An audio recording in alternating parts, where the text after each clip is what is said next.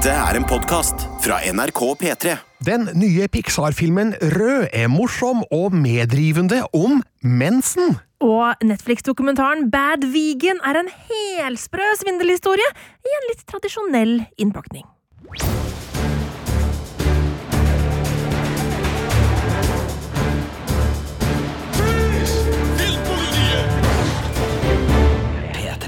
Her i studio sitter Birger Vestmo, Og Marte Hedenstad. og vi har begge sett den nye Pixar-filmen Rød, som nå er ut på strømmetjenesten Disney pluss.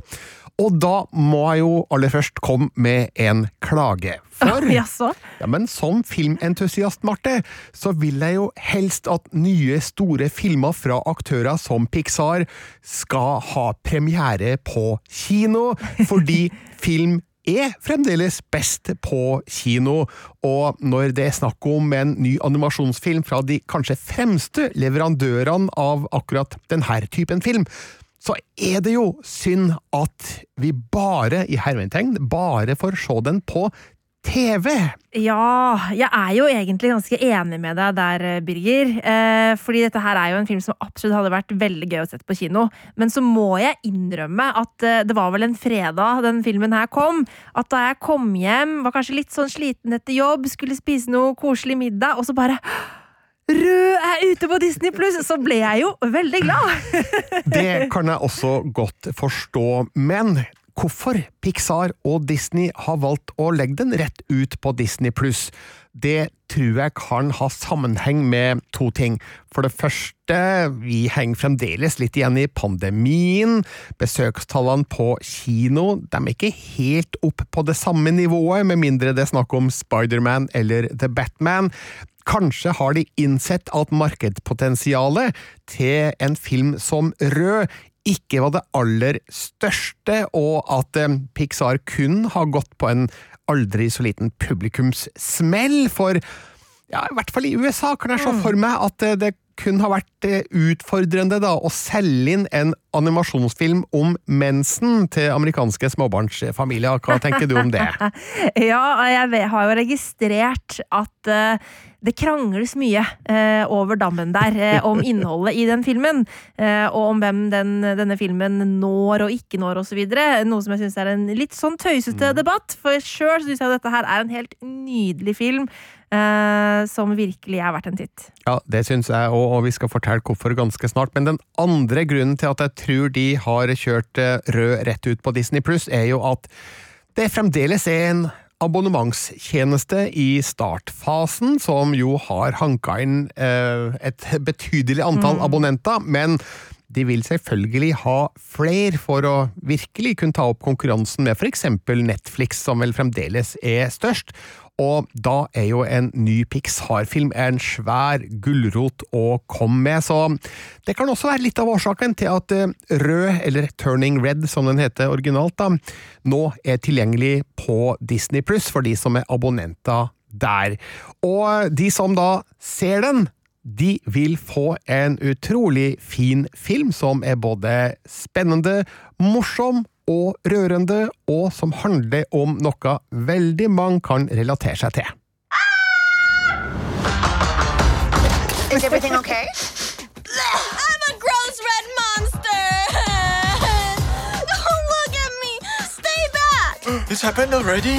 What did you say?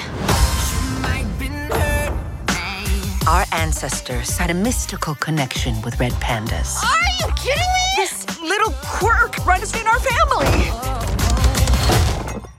Ja, I Rød så møter vi da 13 år gamle Maylin, som er ei jente som bor i Toronto i Canada.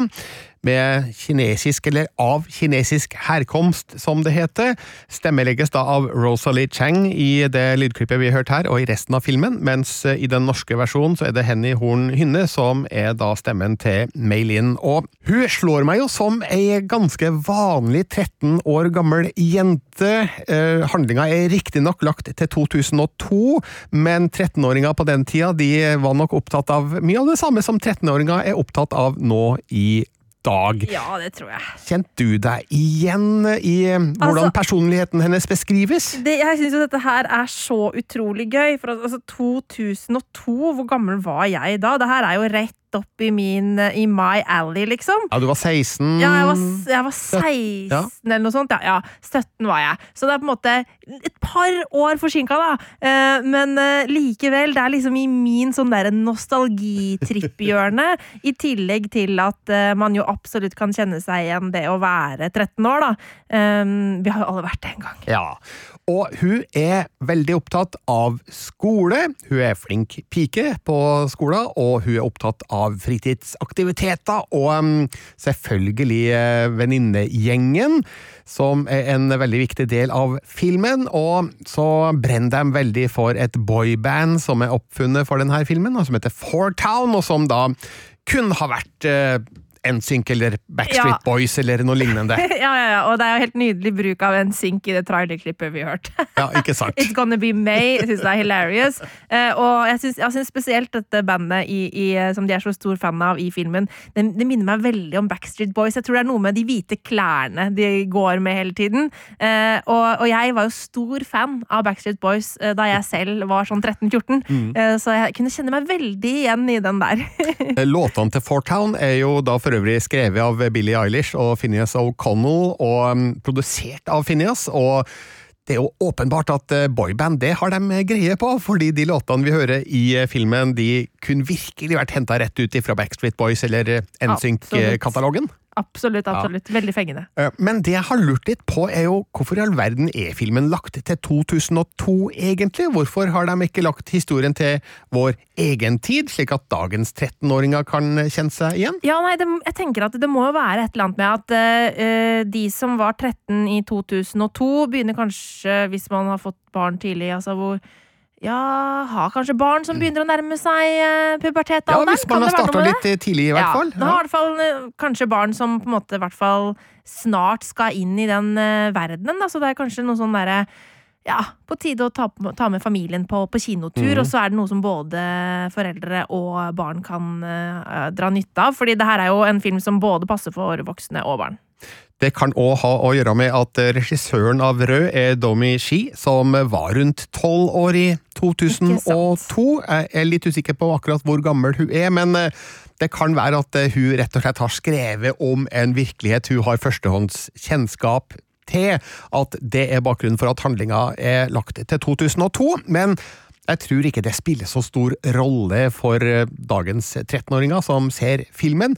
Eh, Det er noe tidløst over eh, den problematikken som skildres her, for det, det handler jo om det å komme inn i puberteten og alt det fører med seg, og der er jo menstruasjon eh, et viktig poeng for Maylins del, og nå har jeg fått eh, noen e-poster fra menn oh, ja, som eh, klager på at ja, de har sett filmen, men vi ser jo ingen tegn til at hun har fått mensen i filmen, for det nevnes jo ikke. Nei. Det er jo ingen som sier det rett ut. At Altså, hun, moren tror hun har fått mensen! ja, hun antar at Meilin har fått eh, mensen, og kommer da springende med masse bind Mm.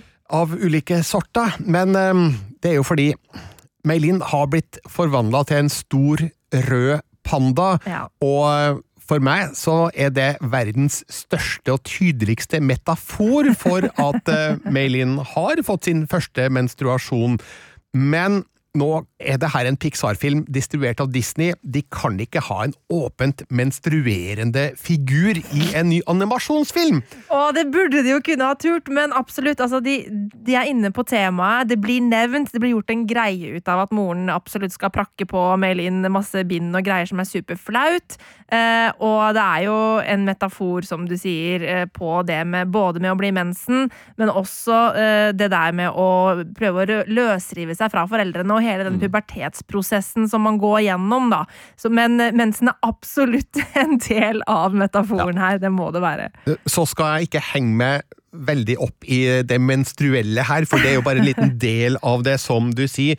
Eh, For eh, denne pandaen er også en, eh, et metafor for puberteten, puberteten, som jo for alvor melder sin ankomst, og som da er en slags eventyringrediens midt oppi alt det ungdomsrealistiske her, fordi vi får da vite at denne slekta til Meilin, både mor og bestemor, har vært igjennom det samme sjøl, at det hviler en slags forbannelse over familien, der alle eh, kvinner, eh, jenter, blir da forvandla til store pandaer når de blir emosjonelt berørt, Ja. eller eh, oppglødd, går det an å si det? Ja, altså både enten, det, enten du blir sint, lei deg, veldig glad, eller eh, alle mulige sånne sterke følelser eh, får denne pandaen til å bryte ut, da. Men det fins en kur.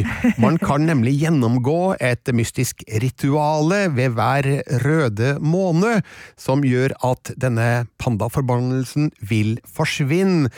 Men problemet her er at eh, dette ritualet og Den røde månen sammenfell med datoen der Meilin og venninnegjengens store drømmegutter i boybandet Fourtown skal spille konsert i Toronto!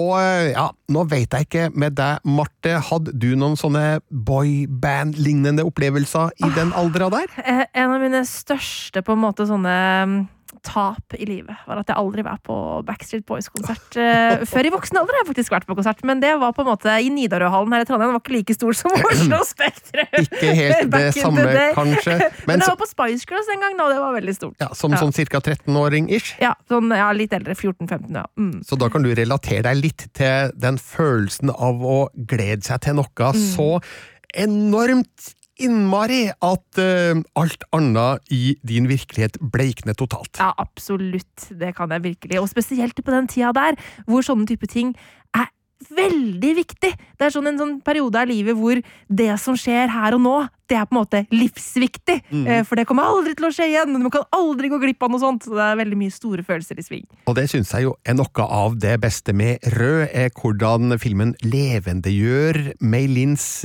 liv, hennes engasjement, hva hun er opptatt av. eh, Vennskapet med disse venninnene, og også da ikke minst forholdet til mora, Ming, som er stemmelagt av Sandra Sandra Oh i den originale versjonen, mens i den eh, norske versjonen er det Emilie Christensen som er stemmen. Og um, nå skal ikke jeg spørre deg, Marte, om hvilket forhold du har hatt til din mor opp gjennom ungdommen, men for min egen del så kan jeg nok huske at det, det kun gå ei kule varmt, men samtidig så ser vi jo at Maylin Meilin har en dyp kjærlighet til sin mor og stor respekt for hun, og ønsker jo å være den eh, snille, gode dattera, men det kommer til et punkt da, der eh, forholdet til mora og andre lyster eh, kommer på kollisjonskurs. Mm. Og så er det noe med det der med eh, forventninger som, eh, som moren legger på meg også. Én ting er at man skal ha et godt forhold til foreldrene sine, men når det begynner å bli et sånt der enormt forventningspress som man føler at man må etterfølge, så kan det jo bli litt vanskelig, spesielt når man begynner å i større grad eh, utvikle sin egen personlighet og, og få egne drømmer uh, i livet, da. Eh, som kanskje, ja, som du sier, går på tvers av det som, er, som moren ønsker for henne. Så da blir det jo konflikt. Så ser vi jo da også en annen ting i Rød, nemlig at um, altså den har en gjennomgående tematikk om at uh, døtre er produkter av sine mødre gjennom flere generasjoner. Så du det samme? Ja, absolutt. Eh, både altså hvordan moren Nå skal vi jo ikke spoile filmen, men altså hvordan moren har blitt formet av sin mor, eh, påvirker jo hvordan hun har oppdratt meg. Eh, og, og det kan jo både være eh, en god ting, men det kan også bli en ond sirkel som man kanskje må bryte ut av. Og det er noe av en sånn tematikk som kanskje er litt i vinden i det siste. Jeg syns Disney gjorde noe av det samme i Encanto, som også handla mye om eh, hvordan bryte ut av familiers forventninger og, og sånne type ting, og, og generasjonstraumer og sånn. Um, så det er en universell greie som jeg tror veldig mange kan kjenne seg igjen i. Mm. Rød er en eh, Jeg skal bare si det rett ut, jeg kommer til å få tyn for det, blant annet fra deg, Marte, men Rød er en jentefilm. Fordi den, Den- handler om en jente. Den handler om jenter, den, ja, eh, den er laga alle de andre filmene guttefilmer, da, eller? Ja visst, eh, men den er regissert av eh, en kvinne. Den er skrevet av tre kvinner, og Ja, all, all, alle, ikke- alle mannfolka i denne historien, de er bifigurer. Altså, det er de. Faren til Meilin, han er jo redusert til en sånn Han, han, er, Han snakker veldig lite. ja, han snakker veldig lite, og det er han som lager maten Ja. i, i familien. Og så har vi en annen figur, en, eh, en ung kar på Maylins alder som eh, jeg ikke husker, husker hva jeg heter, han, men eh, ja, han fra skolen. ja, han fra skolen, ja. Som har litt sånn bully-takter. Og som viser seg å Nei, dette skal vi ikke spoile. Nei, det skal vi ikke spoile. Men, men, men jeg føler at det er en litt sånn eh, jentetung film, da. Eh, Det kan det jo kanskje være, men det er jo absolutt en film for alle. Eh, Du kosa deg jo masse med oh, ja, ja, ja. Eh, eh, Jeg satt jo og så den sammen med mannen min, og, og han både gråt og lo sammen med meg, så det, det er ikke en jentefilm i den forstand, selv Nei, om det er en jente i hovedrollen.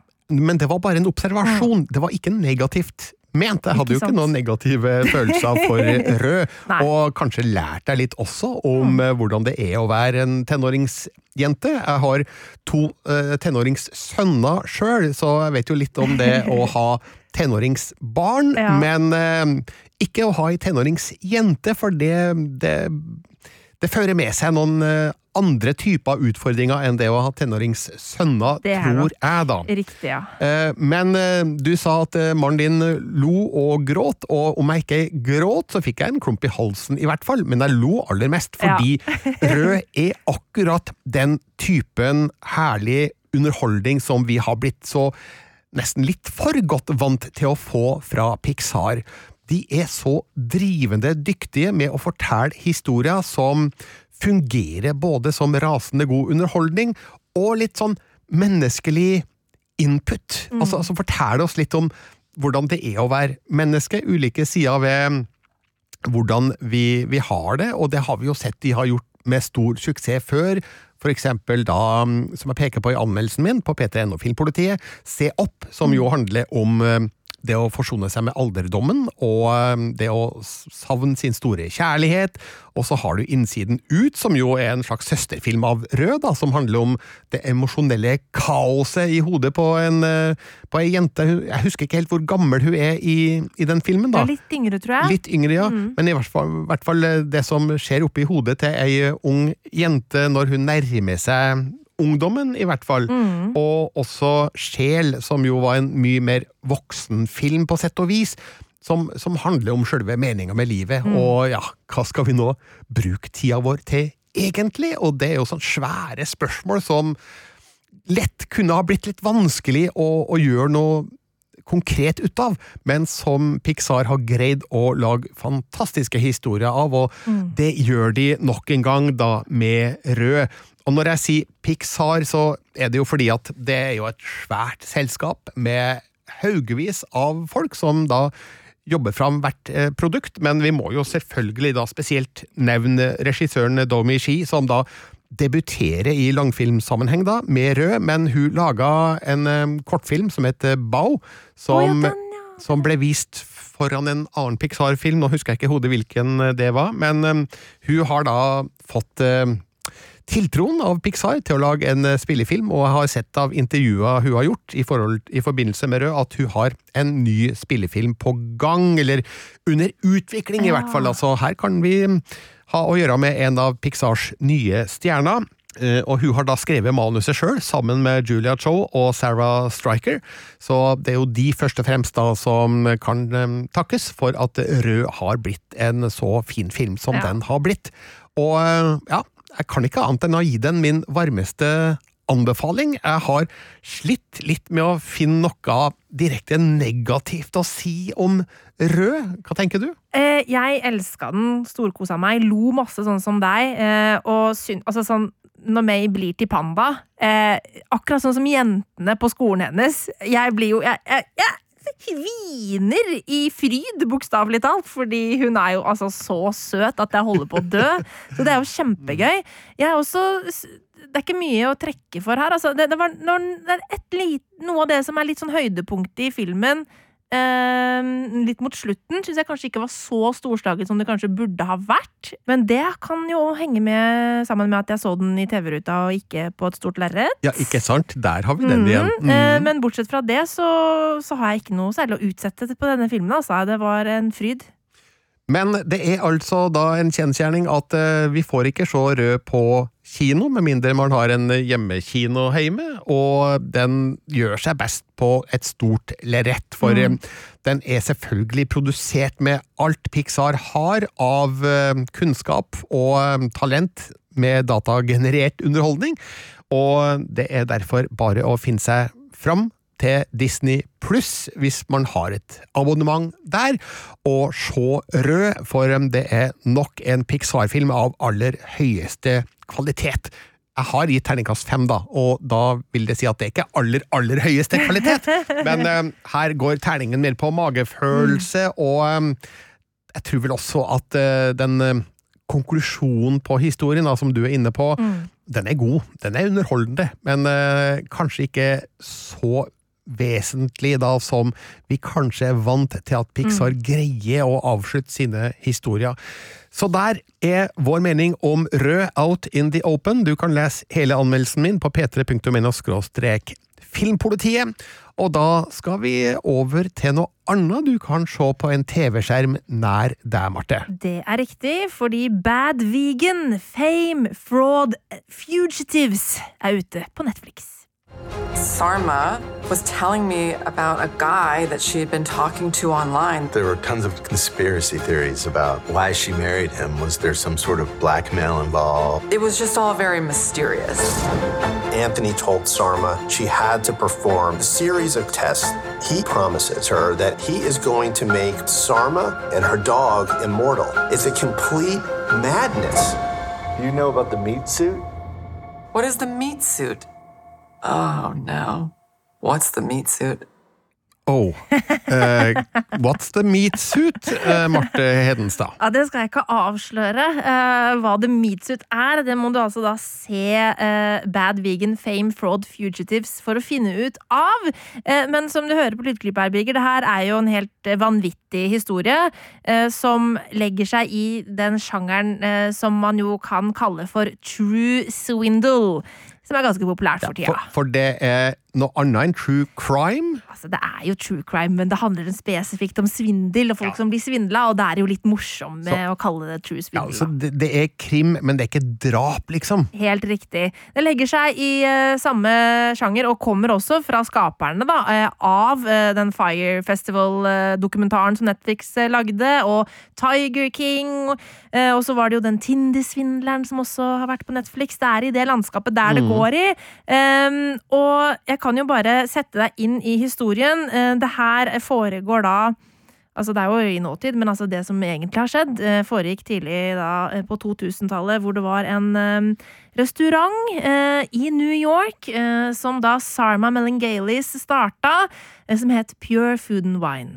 Eh, den, eh, det var en raw vegan food restaurant eh, som ble veldig populær blant en del stjerner.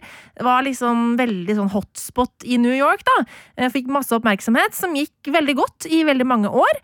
Um, men så etter hvert, utpå 2000-tallet, eh, så begynner ting å skje. Rare ting begynner å skje. Sarma Melangelis møter en fyr som kaller seg for Shane Fox. Det er det han kaller seg, men han heter egentlig Anthony Strangis. Um, og etter det så begynner denne restauranten å blø penger som bare rakkeren. Og så, i 2016 uh, blir uh, de da, det ekteparet, uh, Sarma og Shane slash Anthony, arrestert etter at de har vært på rømmen i lengre tid. For da har de altså rømt fra lønninger til restauranten, de har rømt fra skattebetalinger, de har rømt fra eh, investorer som de skylder penger, eh, og ender opp i fengsel. Det er der vi begynner denne historien, og så skal vi da grave i hva er det som egentlig har skjedd. Fordi her har jo da denne veganerdronninga, som liksom har vært eh, selve symbolet på eh, hvor bra man kan være i livet. ikke sant? Altså Veganere er jo på en måte, det finnes jo ikke noe bedre enn det, eh, etisk sett. Hun har svindla folk. Eller har hun det? Vel, var det egentlig hun som ble svindla sjøl? Det er det som er utgangspunktet for Bad Vegan. Kan jeg da innvende, Marte Det høres litt sånn smått ut, det her. At uh, hvorfor er det her en så stor sak at det fortjener en hel dokumentarserie på Netflix. Ja, altså Det er fire episoder da, uh, på denne miniserien av dokumentarserien. Uh, og det er jo rett og slett fordi at i likhet med den Fire Festival-dokumentaren, så er det en sånn stjernefaktor her. Bare det at det var masse stjerner som frekventerte denne restauranten, gjør at det var masse skriverier om denne saken i media. Altså Alec Baldwin, eh, Woody Harrelson, sånne type navn. Um, de er ikke med noen av de dokumentarene, men de blir name-droppa en hel del.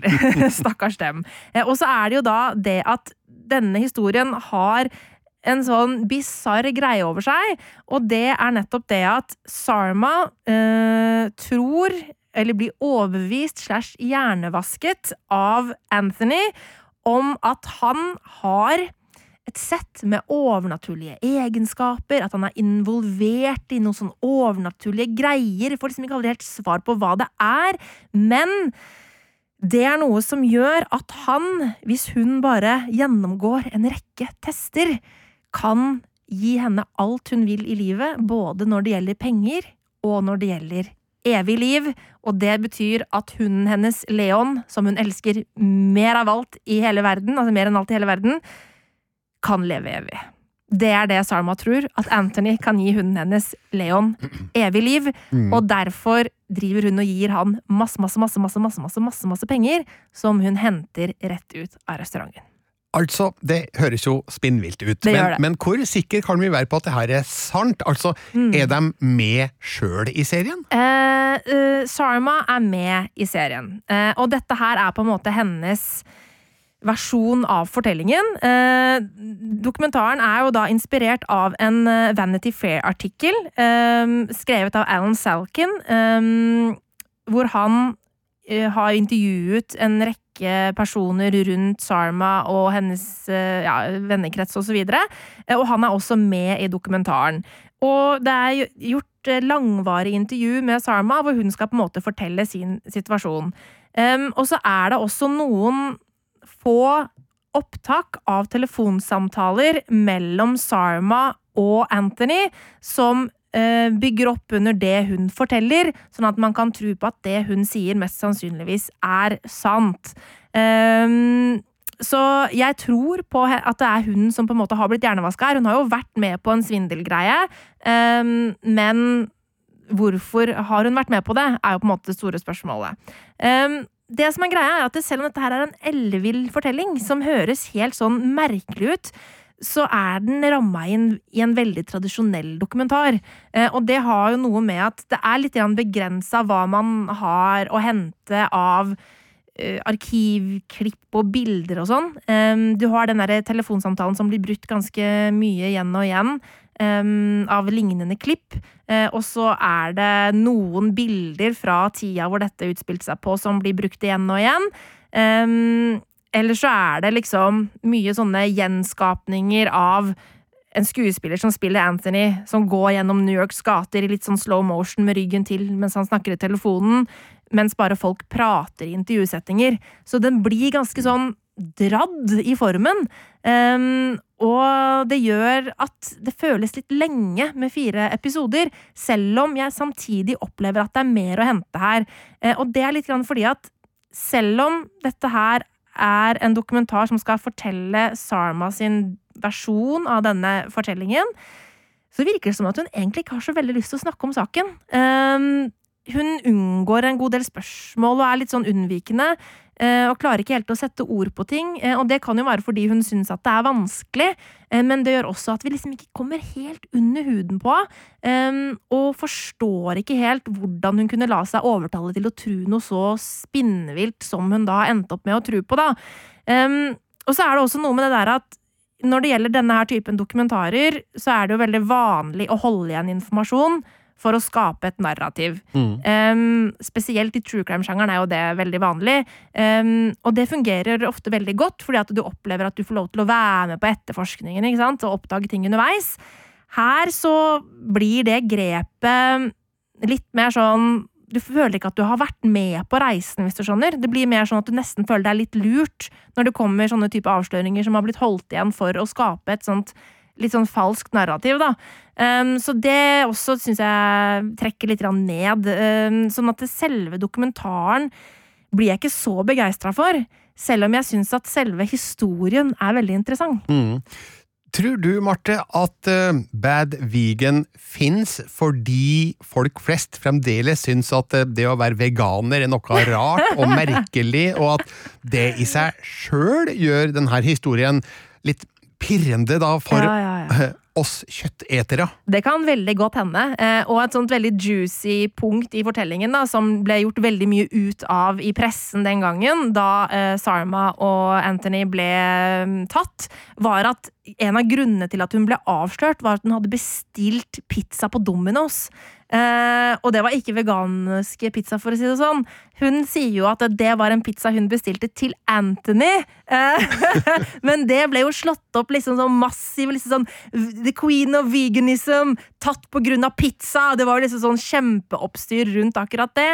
Um, og det har nok noe med det der at det veganeraspektet er med på å gjøre det her enda litt mer sånn interessant og rart. Eh, og ikke minst fordi at ja, når du er veganer, så hører du på en måte til i den etiske høyborgen, holdt jeg på å si. Og, og hvordan kan du da være med på svindel, eh, og attpåtil bestille pizza? Eh, det er jo noe som folk lurer på. Men du må ha meg unnskyldt, Marte. Ut ifra det du nå forteller, så tenker jeg at ja, det her hørtes litt sånn smått ut. Skal, Mm. skal, skal jeg virkelig sette av eh, fire timer, eller hva det nå er, da, og, Ja. for å se fire episoder av det her? Altså, det blir terningkast tre fra meg. Eh, og det betyr jo at denne her er en dokumentar som er helt middels. Eh, og jeg, jeg kunne ønske at jeg egentlig kunne hørt den som en podkast. Eh, fordi jeg, jeg klarer ikke helt å se hvorfor den trenger å være en TV-dokumentar. Eh, men samtidig så er historien er jo ganske spinnvill. Så historien er kul å ha fått med seg. Eh, Men så blir det kun helt midt på treet av at eh, innpakningen er såpass tradisjonell. Nemlig. Bad Vegan, Fame, Fraud, Fugitives er tilgjengelig på Netflix i fire episoder, og anmeldelsen av den kan du også lese på p3.no filmpolitiet. Der finner du også anmeldelser av andre aktuelle filmer, som Pedro Almodovars Parallelle mødre, Dark Nei, unnskyld, Deep Water med Ben Affleck og Anna de Armas som er ny på Prime Video. Og du har også anmeldt eh, noe annet? Ja, Basic Bitch sesong tre. Altså, Bestejentene fra Tønsberg er tilbake. Det er veldig trivelig. Og jeg har anmeldt en kinesisk film som heter Beskytteren, som handler om mobbing i den kinesiske skole. Og alt det her kan du også høre om i Filmpolitiet på P3 på søndag fra 12 til 15. Vi har en e-postadresse, filmpolitiet, alfakrøll, der vi tar imot ris, ros og spørsmål og kommentarer. Og så må du huske da, at podkastene våre finner du aller først i appen NRK Radio. Hvis du henter dem et annet sted, så kommer de en uke forsinka, men i appen NRK Radio, der kan du høre dem først, i likhet med mange andre podkaster fra NRK. I studio i dag satt Birger Vestmo. Og Marte Hedenstad.